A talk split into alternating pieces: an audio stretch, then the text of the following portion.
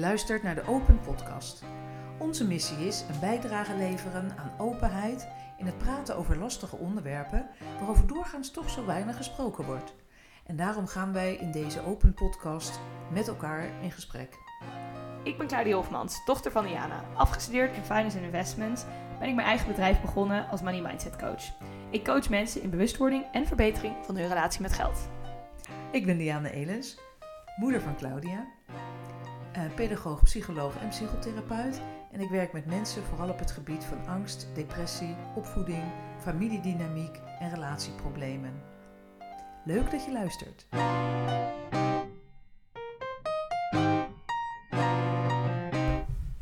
Dit is aflevering 36 en vandaag gaan we het hebben over piekeren.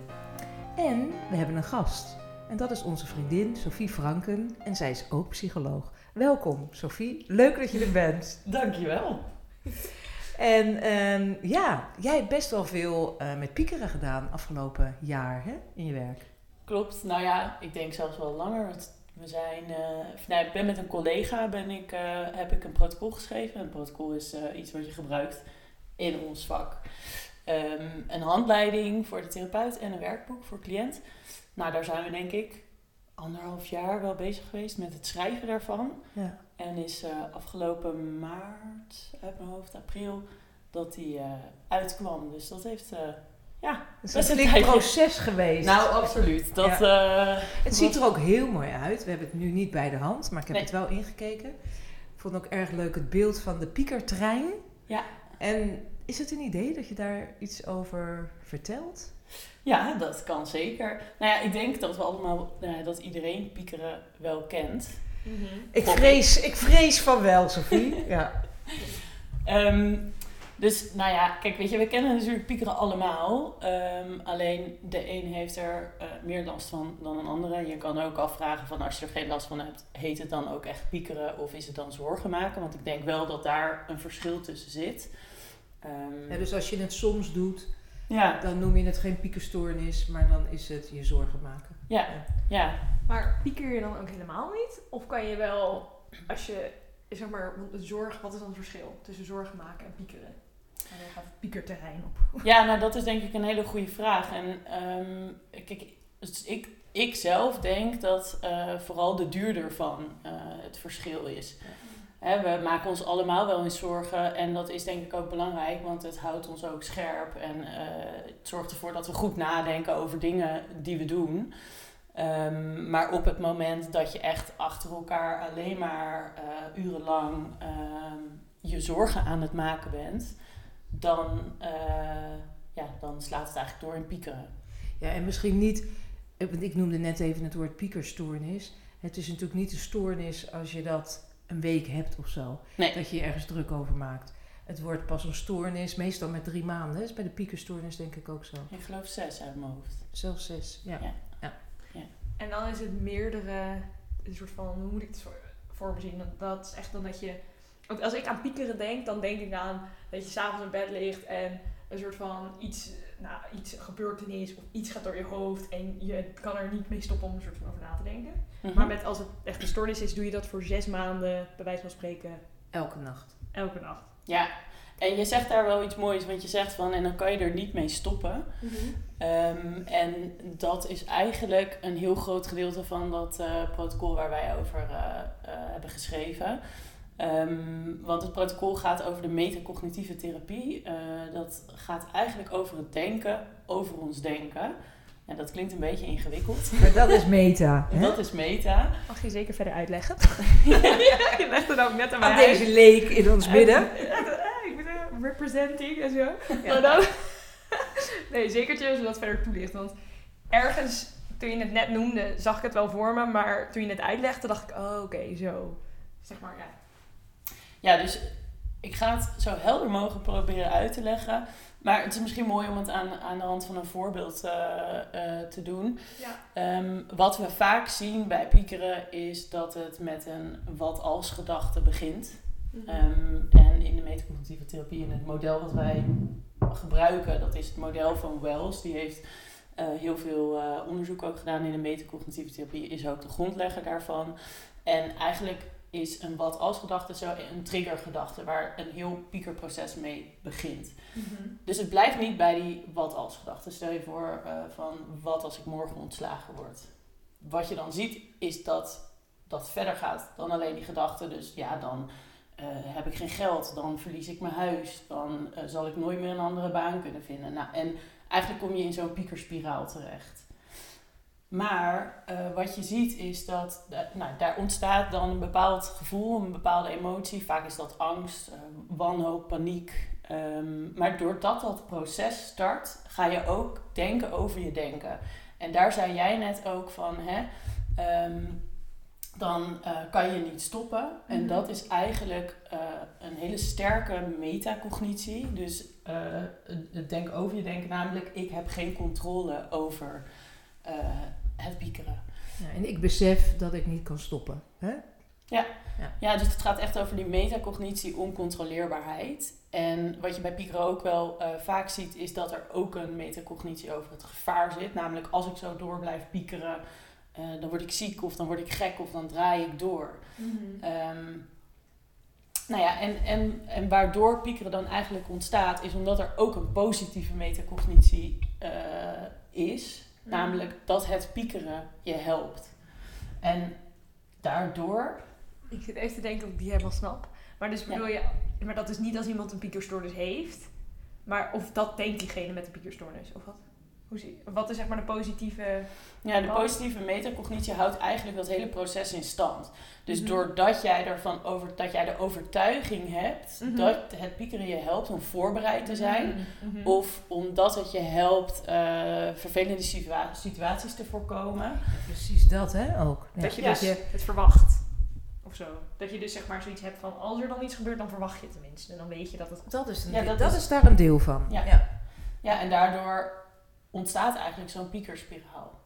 En ik, ik noemde net naar jou natuurlijk, legde ik het ook uit van, ja, we hebben, dat is dan wel weer allemaal heel psychologische termen, maar de cognitieve gedragstherapie eh, gaat natuurlijk heel erg in op de inhoud van gedachten. Dus als je een bepaalde gedachte hebt, dan gaat eh, de cognitieve gedragstherapeut gaat vragen, eh, goh, maar hoeveel bewijs heb je daarvoor? En hoe groot is de kans dat... ehm, Dan ga je de gedachten uitlokken, hè? Ja. Ja, en ehm, dat is Uitdagen. eigenlijk wat, wat de metacognitieve therapie helemaal niet doet. Want die zegt, ja, de inhoud van die gedachten maakt niet heel veel uit. Dat doet er niet heel erg toe. Ehm, maar hoe je met die gedachten omgaat, dat doet er wel toe.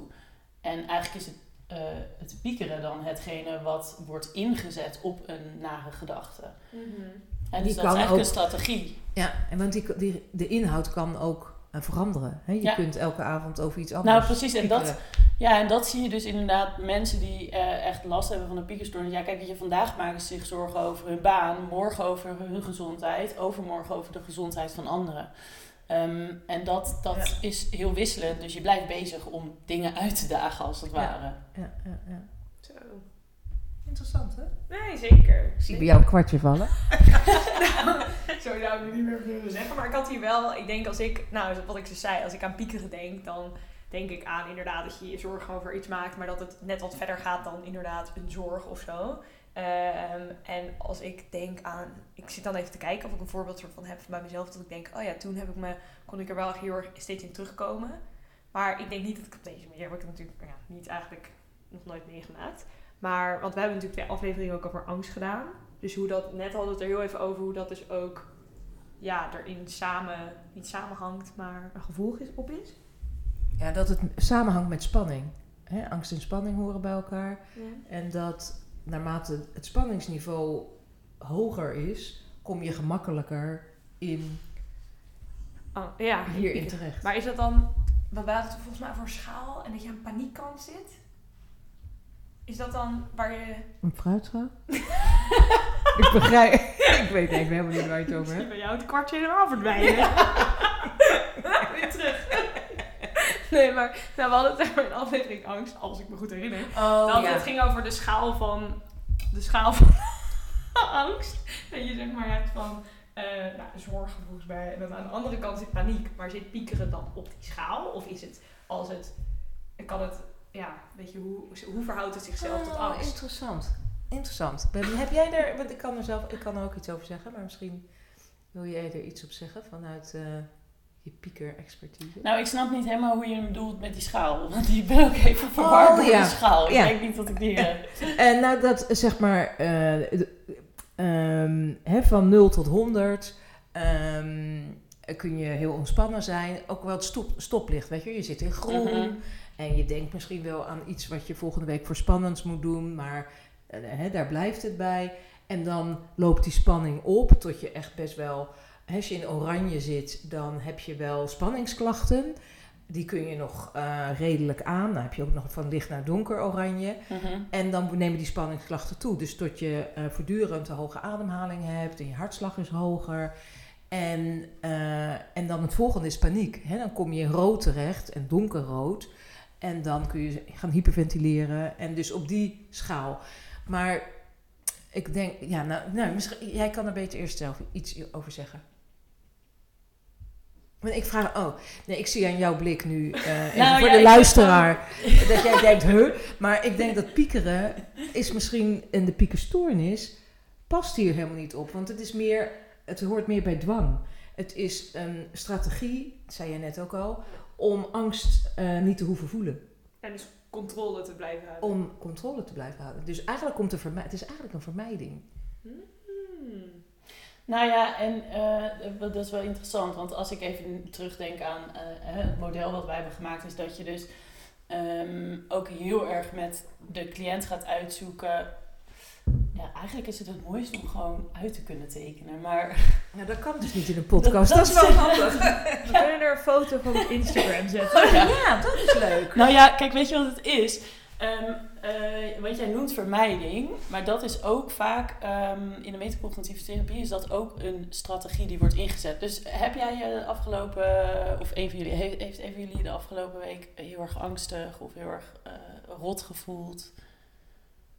Of heel erg, maar misschien heb je een, kan je een voorbeeld van een periode waarin je last had van, eh, Oh ja. van, van piekeren misschien wel. Dat is dan wel misschien een mooi voorbeeld. Ja, zeker. En dat kan ik ook wel meteen het voorbeeld wat we dan in Vallen en Opstaan noemden. Dus ik had vorig jaar, dat is al wel een tijdje geleden, vorig jaar even kijken, februari, maart, ehm, kreeg ik te horen dat ik een zes maanden contract kreeg bij mijn werk. Mhm. En toen heb ik een goede week eh, het gewoon ont- volledig ontweken. Ik had er niet over nagedacht. De mail bij wijze van spreken niet geopend. Zeg maar, ik had het net geopend om te zien zes maanden in de war te zijn en zoiets te hebben van oké, hier ga ik niks mee, op dit moment even niks mee doen. Mhm. Ehm, en daar kan me, ik kan me wel herinneren dat ik daar wel mijn strategie, mijn denk ik strategie of zo, of, ik wist gewoon echt totaal niet wat ik daarmee moest op dat moment. Eh, ook omdat het een beetje raar gegaan was. Maar ja, dat zou wel denk ik een voorbeeld zijn. Is dat Mhm. dan genoeg informatie voor het voorbeeld? Of? Nou ja, ik hoor dus dat je, eh, je, kreeg, je kreeg een mail. En toen, hoe ging dat verder? Je bent hem dus niet gaan openen. Nou, ik heb hem toen wel geopend. Want het was Ja. iets van dienstverlenging of zo. Dus ik dacht, Ja. oké. Maar ik had, ik zou eigenlijk, ik wist niet eens dat ik in die week iets te horen zou krijgen over mijn contract. En mijn Mhm. contract liep af in mei volgens mij. Ja. Eh, dus toen eh, kreeg ik best wel random uit het niets een mail. En daar stond in zes maanden verlenging, zoals besproken of zo. En gewoon soort van contractje eigenlijk. Ja. En toen had ik echt iets van, oké, waar komt dit vandaan? En ik, Mhm. ik- Het was ook nog helemaal niet besproken, blijkbaar. nee, het was nog niet besproken met mij, zeg maar. Dus ik, het was uit, best wel uit het niks. Ja. En toen had ik heel erg zoiets van, wat moet ik hiermee? En Mhm. ook een beetje zo van, ik had niet volledig verwacht, oh, nou, ik krijg misschien wel gewoon, weet je, een Mhm. contractverlenging. Dus het begon eigenlijk met, van, met een vraag van, wat moet ik hiermee? En hoe ging dat verder? Stopte je denken daar? Ehm, ik denk dat het stopte met, ik wil hier niks mee. Zo van, Oké, ik moet hier eigenlijk iets mee en ik voel hier wel iets mee. Dus ik heb wel bijvoorbeeld toen volgens mijn collega gewoon geappt van, is dit hoe het normaal gaat? Ik had ook geen Mhm. idee of dat normaal was of zo. En toen was het een beetje zo van, zij reageerde ook meestal van, eh, ja, huh, ik weet ook niet. En toen had ik echt zoiets van, heel erg zo'n druk van, oké, ik moet hier wel iets mee doen. Maar tegelijkertijd echt zoiets van, ik heb echt, ik weet niet wat ik hier mee, mee moet doen, zeg maar. Mhm. Ja, dus ik hoor, ik hoor een beetje twee dingen eigenlijk. Hè? Dus aan de ene kant ben je er wel heel erg veel over na gaan denken. En ook Mhm. actief eh, dingen gaan doen. Namelijk misschien wel geruststelling vragen Mhm. aan eh, een collega. ehm, collega, vriendin. Mhm. Ehm, tegelijkertijd ook veel verschillende gedachtes. Ehm, en het ook een beetje gaan vermijden. En dat zijn eigenlijk verschillende, eh, verschillende strategieën die je dan inzet om om te gaan met die eerste gedachte eigenlijk. Hè? Dus ja, we we hebben die eerste gedachte van jou niet heel concreet gemaakt, van behalve dan wat moet ik daarmee. Mhm. Ehm, en daardoor ontstaat eigenlijk eh, spanning of angst. Dus wat we, als we hem makkelijker maken, bijvoorbeeld met, eh, met piekeren, bijvoorbeeld als ze, nou ja, we hebben wel veel jongeren ook, die bijvoorbeeld, dat begint dan met wat als ik een onvoldoende haal voor mijn toets. Ehm, nou, daar gaan ze dan dus heel erg over nadenken.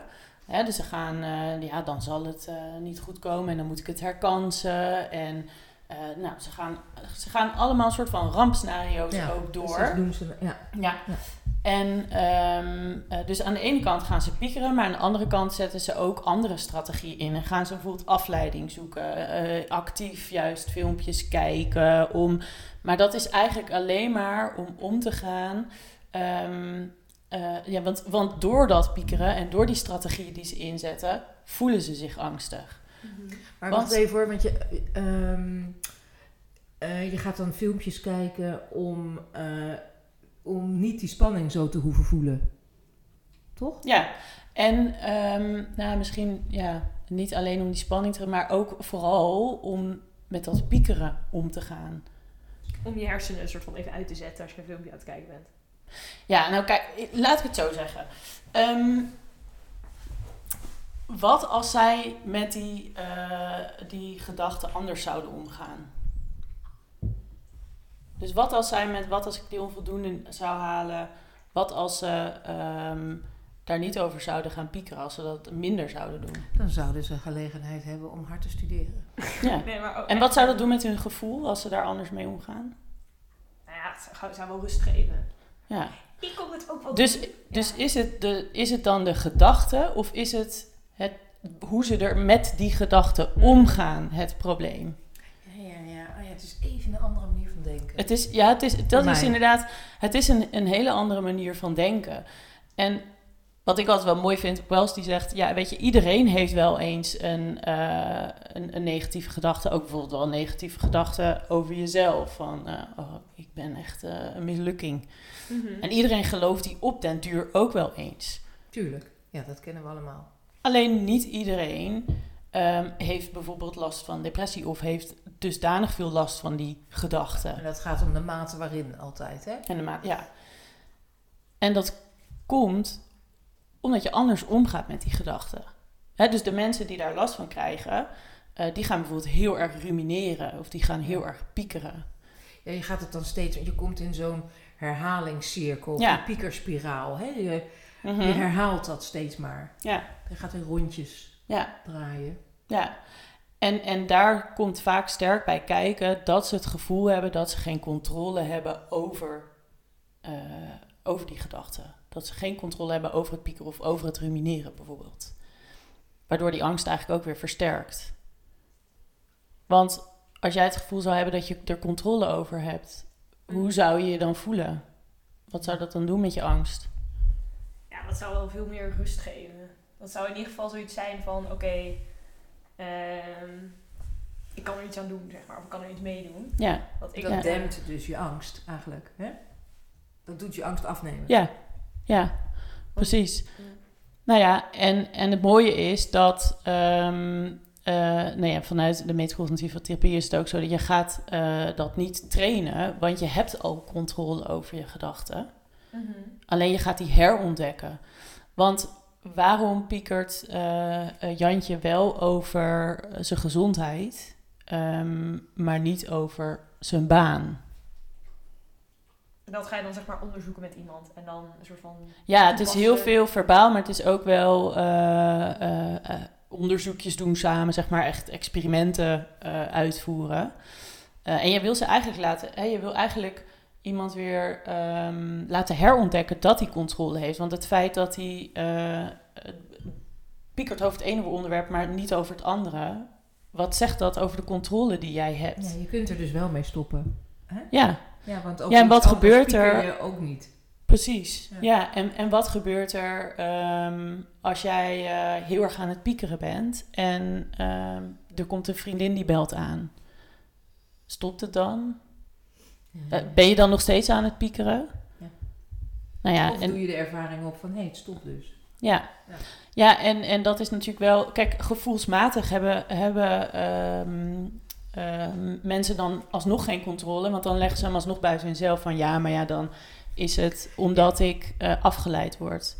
Oké, maar had je er ook voor kunnen kiezen om door te piekeren? Ja, maar dat is niet netjes. Nee, dat, dat is niet netjes. Maar wie bepaalt of dat niet... Mhm. En er worden ook veel metaforen wat ik, wat ik altijd mooi vind eh, om ook te gebruiken. hè. Want ehm, ik bedoel, als nu de telefoon zou gaan, zou je die dan eh, ook niet op kunnen nemen? Dat is een keuze. En als je, in- zeg maar, midden in je piekerspiraal. Als je Nee, dat, nou, nee, dat is dus wel. We, we proberen altijd wel echt op, in te gaan op die triggergedachte. Hè, dus, eh, eh, want stel dat eh, zo'n triggergedachte opkomt. Hè, dus dat is eigenlijk wat we een triggergedachte noemen, is de gedachte waar vaak zo'n piekerspiraal mee begint. Mhm. Voordat je eigenlijk die piekertrein instapt. Ehm, maar wat als jij eh, die gedachte met rust zou kunnen laten? Mm. En er niet op in zou gaan. Ja, dus je stapt niet in die trein. je stapt niet in die trein. En je ziet die gedachten voorbij komen. Ja. En je denkt, oh ja, maar daar ga ik nu even niet op in. Ja, Die zet ik opzij. Die laat ik los weer. Ik ehm, moest net ook toen jij het zei over cijfers en zo, toen moest ik even terugdenken aan mezelf in, tijdens mijn bachelor. En dat ik dan nou, drie weken of zo alleen maar in de bibliotheek zat en alleen maar aan het studeren was. En dan net voor mijn tentamen de dag ervoor zo, zo- niet paniekerig, maar wel denk ik heel erg piekerig. ja. En dat eh, ik één keer, volgens mij was het echt in mijn eerste jaar, maar toen een keer, nou, mijn vader had gebeld en die zei iets van, nou, weet je, ja, je, best, je, je doet je best en meer dan je best kan je niet doen en dan ga je het gewoon zien. En dat echt die alle jaren erop ongeveer, ik dat altijd tegen mezelf zei, ook had ik mijn best niet eens per se dan zo hard gedaan, maar dan was het wel zo van, nou, weet je, ik heb gewoon echt mijn best gedaan met wat ik, de tijd die ik had, de, weet ik veel, emotionele, de, de dingen die ik kon doen. En ja, als dat niet genoeg is, nou, dan ga ik het zien, een beetje op die manier. Mhm. Maar dat zijn dan wel, dat zouden dan dingen zijn waardoor die, die controle ook een beetje terug, of in ieder geval, ja, jezelf dan die controle teruggeeft of zo, met dat soort gedachten. Ik bedoel, dat is natuurlijk voordat je dan helemaal in een... Ja, ik wou zeggen, want daar zit wel een verschil in. Want Mhm. eh, eigenlijk kom je dan dus al niet in, in die piekerspiraal terecht. Ehm, dus, dat is, dus dat is iets helpends om te doen. Ehm, kijk, wat, wa- waar wij heel erg, of althans wat ik heel erg in, in die therapie doe, is dat je eigenlijk op die triggergedachte ehm, iemand ehm, gaat leren om daar anders mee om te gaan dan dat ze nu doen. Dus in plaats van die gedachten heel erg te gaan analyseren. eh, hè, wat jij misschien hebt ervaren is dat je dus heel erg bent gaan nadenken en gaan druk maken over hoe Mhm. dat zou gaan met dat cijfer. Eh, daardoor ervaar je dus die spanningsklachten en die Ja. paniek ook die daardoor ontstaat. Ehm, en wat je dan eigenlijk doet met iemand, eh, stel dat jij bij mij zou komen, dan zou je, ehm, dan zou ik heel erg gaan, gaan oefenen en eh, met jou gaan laten inzien eigenlijk dat je dus ook met die triggergedachten anders kan omgaan. En, en de metafoor die ik altijd mooi vind, eh, die ook in, in dat piekerprotocol staat, ehm, is dat je eigenlijk je hoofd ook kan zien ehm, als een soort van treinstation. Waar metro's, eh, trams, intercity, sprinters langskomen. Ehm, en die, die treinen kan je eigenlijk zien als je gedachten. Hè? Dus de ene raast voorbij en de andere staat stil en die gaat, rijdt weer verder weg. Ehm, soms staat er eentje met vertraging en die blijft even. En ehm, ja, eigenlijk kan jij vanaf dat perron een stapje van het perron terugzetten. Dus echt letterlijk een stapje naar achter zetten. Ehm, en je hoeft er niks mee te doen. Je hoeft die trein niet van het perron af te duwen. Dat kost alleen maar energie. Ze komen en ze gaan. Dus je kunt de stap naar achter zetten om beter op de borden te kijken en om je keus te kunnen bepalen. Ja, maar tegelijkertijd is er eigenlijk een, een helemaal niks doen strategie. Want je hoeft eigenlijk helemaal niks met die Je hoeft niet op reis te gaan. Je hoeft, er, je hoeft niet op te reageren. Ja, Ja. precies. En je hoeft niet op die, op die gedachten te reageren. En is dan ook iets wat, ehm, wat dan voorbij komt als een soort van techniek dan meditatie of zo? Want als ik aan de bron denk met de trein, dan moet ik meteen denken aan zo'n zo'n analogie. heet het volgens mij. Dat je zeg maar de bootjes die voorbij varen. Mhm. je kan op het bootje springen, maar je hoeft er niet Ja. op te springen. Ja, precies. Ja, nou ja, in de metacognitieve therapie eh, is vooral de detached mindfulness een eh, belangrijke. Ehm, dat is echt een groot onderdeel, want daar oefen je heel erg mee om inderdaad op een andere manier te reageren op, ehm op gedachtes. Alleen, het, het kan ook heel erg verward worden met mindfulness. Mhm. Want mindfulness doet juist heel erg eh, de focus vergroten op wat je voelt of wat je ervaart van binnen. Terwijl de detached mindfulness juist daar helemaal geen focus op heeft. Ehm, maar goed, dat, vaar, dat is misschien een beetje te ver om, om, om helemaal uit te leggen. Maar dat is wel een bepaalde techniek inderdaad die je gebruikt om iemand te laten ervaren. Echt te ja, herontdekken dat je controle hebt. En Maar is dat dan een soort van ehm, een observ obs- observeerder is ook een Nederlands woord. Een observer point of view, zeg maar. Dus dat je een, dat stapje terug, maar dat je dus observeert van je Ja. bent niet je gedachten. Ja. En dat is dan detached mindfulness. Of is dat nog niet?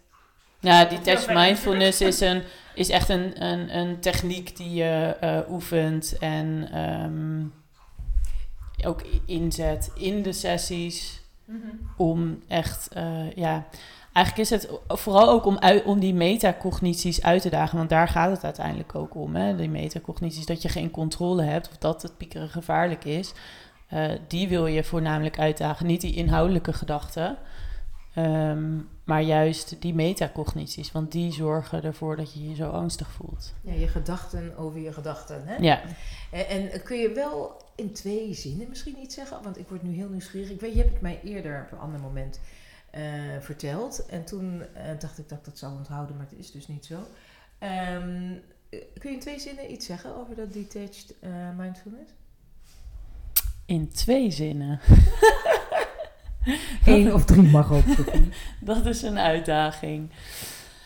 Ehm, ik, ga, ik zit even na te denken hoe ik hem het eh, makkelijkst kan samenvatten.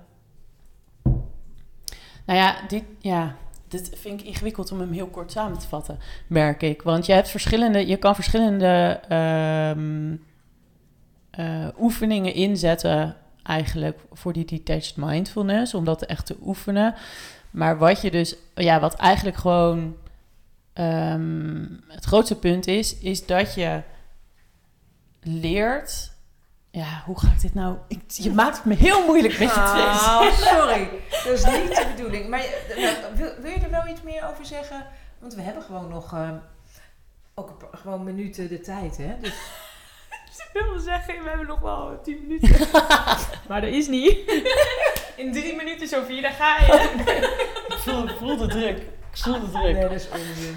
Neem de tijd. Als je, de- als je denkt dat, dat je er wel iets over kan zeggen. Nou ja, kijk, weet je, je hebt verschillende oefeningen die je ermee kan doen. Maar wat het belangrijkste is, is ehm, eigenlijk, het is eigenlijk een do-nothing strategie. Dus het niks doen strategie. Dus je gaat echt iemand ehm, eh, meenemen in van, hey, ehm, moet jij reageren op deze gedachten? Maar dat doe je heel erg onderzoekend. Dus eh, er is bijvoorbeeld ook een oefening die wij in ons protocol hebben, waar je woorden opnoemt, neutrale woorden opnoemt, met secondes daartussen. Ehm, en dan ga je nabespreken van, goh, wat gebeurde er eh, toen ik zonnestraal zei, bijvoorbeeld? Ehm, nou, ja, eh, ja ik kreeg een... eh, ja, nou ja, nee, ik, ik zat even te denken aan eh, dat ik op het strand lag en... of ik zag een zonnestraal. Het kan ook een beeld zijn wat dan opkomt, hè. Ehm, Oké, en wat gebeurde er met, met die gedachte of met dat beeld? Ja, die ging weg. Oké, en heb jij hem laten verdwijnen? Nee, dat ging vanzelf. En wat je daarmee doet is eigenlijk laten inzien van ja, als je dus niet heb, je hebt niet op die gedachte gereageerd, heb, want je vraagt ook altijd heb jij iets met die gedachte gedaan? Hè? Eh, nee, die ging eigenlijk, eigenlijk ging die vanzelf weg. En een volgende oefening is, je kan het moeilijker maken door bijvoorbeeld ook een triggerwoord erin te doen. Ehm, en eigenlijk Dus bijvoorbeeld tentamen. Even- Precies, bijvoorbeeld tentamen. Ehm, en daarmee ga je dus dan ook weer het, het, hetzelfde doen, neutrale woorden. Het kan zijn dat het triggerwoord voorbij komt. Het kan ook zijn dat hij niet voorbij komt. Ehm, en dan ga je ook weer onderzoeken, hey, wat gebeurde er nu? ehm, nou ja, eh, soms zijn, zijn mensen zich aan het voorbereiden op een triggerwoord. Ga je daar met hun in, in gesprek over? Van, goh, is dat iets wat je, wat je vaak wat je herkent, dat je daar heel erg mee bezig bent of dat je heel erg aan het voorbereiden bent? Eh, en eigenlijk wil je dus dat ze die triggerwoorden ook kunnen gaan behandelen als die neutrale woorden. Zoals ze die neutrale woorden eigenlijk nu al behandelen. Want dat Ja. doen ze dus al met heel Ja, veel. Ik bedoel, we zo- hebben ja. 60.000 eh, gedachten op een dag. Ehm, maar we, we hebben geen tijd om op al die gedachten te reageren of op daar over, altijd te veel over na te denken. Dus ja, heel veel gedachten doe je al niks mee. Ja, ja, ja. Als ik een gedachte krijg waarvan ik echt denk, doe deze gedachte hier, dan heb ik ook eens de neiging om zeg maar mijn ogen te knipperen en dan te doen alsof dat hem weg doet. Alsof ik zo'n cleanse heb en maar, ik knipper en dan, ook als ik s'avonds in bed lig hoor, dat ik, als ik dan een, ergens aan denk en dan denk ik echt, ja wacht eens even, hier heb ik helemaal geen zin om hier over nu over na te gaan zitten denken. Dat is echt één hard knipperen en dan ja, doen alsof dat helpt om de gedachte weg te doen, maar werkt wel. Nee, ik vind hem heel grappig, want het doet mij meteen denken aan EMDR en hoe EMDR ontstaan is. Het gaat natuurlijk over oogbeweging, hè, dus niet over je ooglid wat beweegt. Maar op die manier heeft een psycholoog of een psychiater, ik weet eigenlijk niet wat zij was, maar die heeft Ja. ontdekt dat door met haar ogen heen en weer te rollen. Ehm, Tijdens het wandelen in het bos. Tijdens de wandeling in Ja. het park, ja. Eh, dat eh, ze daardoor kalmeerde. Ja. En, eh, dus ik vind het heel grappig wat jij zegt. Dat ik denk, het is een hele mooie manier dus. Ja. Maar goed, nou ja, dus dit is een... eh ja, de detached mindfulness, ja, dat is een... Ja. eh, ik Ja, weet niet dat of die die zo tekst als onthecht, hè? Als Ja. in niet losstaan. erdoor geraakt worden, ja. Los Ja. zijn. Ja. Nee, dan snap ik hem weer. Ja, ik denk Maar het is wel een ingewikkelde hoor. Want eh, kijk, weet je, in dat opzicht... Hij kan ook snel verward worden met, eh, met mindfulness. Ehm, Er zijn verschillende... ehm, ja, net zoals eh, ACT lijkt er ook weer natuurlijk een Ja. beetje op. Nou ja, je Ja. hebt verschillende dingen die er wel op lijken. Alleen het grootste verschil bij detached mindfulness... is dat je ook de metacognities uitdaagt. Ja, precies. Gedachten. De gedachten over de gedachten, ja. Maar goed, dat is, het is best wel... Het is inderdaad wat jij, net- wat jij net ook zei... een andere manier van denken met die eh metacognitieve therapie. En dat is ook een hele opleiding. Dus je kan jezelf ook niet eh, meteen een metacognitief therapeut noemen. Want dat, eh, daar zijn natuurlijk heel veel Nee, want zo gaat dat opleidingen. tegenwoordig niet meer, hè? Je moet je overal weer voor registreren en lidmaatschappen betalen en, enzovoort. Dan vond ik wel die Pia, hoe heet ze ook weer? Pia Gillissen? Kalissen, Kalissen volgens mij toch? Hè? Is Ja. ze? Jullie gaan nu een beetje de vaktermen in. Oh ja, sorry. Ja, daar houden we ook weer mee op. cutting in. Maar ik vond het wel, ik heb alleen maar een artikel over gelezen en ik heb het boek niet gelezen en ik denk dan ook, oh ja, ik begrijp het wel. Mam, niemand weet waar je het over hebt, behalve jullie twee. Oh. Eh, gaan we mee stoppen. Maar ehm, ik vind het is ook interessant. Dat meta, eh, cognitieve therapie, juist Ja. de gedachten over de gedachten. Ja. En Ja. ik heb het daar in therapie met mensen heel vaak over. Hè? Van, hoe kijk je daar zelf nou tegenaan? Ja. Tegen die gedachten. Wat, welke betekenis geef je eraan? Mhm. Nou, en ik denk ook zeker dat het wel... Ik heb echt heel veel nieuwe dingen geleerd. Dat wil ik even vooropstellen. dat is leuk. Eh, dus ik hoop, Ik hoop eh, ook dat het een beetje te volgen is. Want het is, het is namelijk zoveel. Ik weet namelijk nog zo goed toen ik hier voor het eerst mee bezig was. Dat, het, dat ik echt dacht: wow, dit is echt best nog wel ingewikkeld. Ehm, dus ja, ik hoop dat het ook een soort van logische. Ik, ik, vind, ik vond het heel leuk om te horen. Ik ook. En ik heb dus ook echt wel veel over geleerd. Want, eh, en ik denk ook zeker, nou, we hebben het natuurlijk over heel veel zelfontwikkeling onderwerpen en over jezelf beter leren kennen. En ik heb nog nooit ernaar gekeken dat je, nou ja, dus dat je ook, nou, met je gedachten, maar dat je dus gedachten over gedachten hebt. En dat ook bij jezelf herkennen.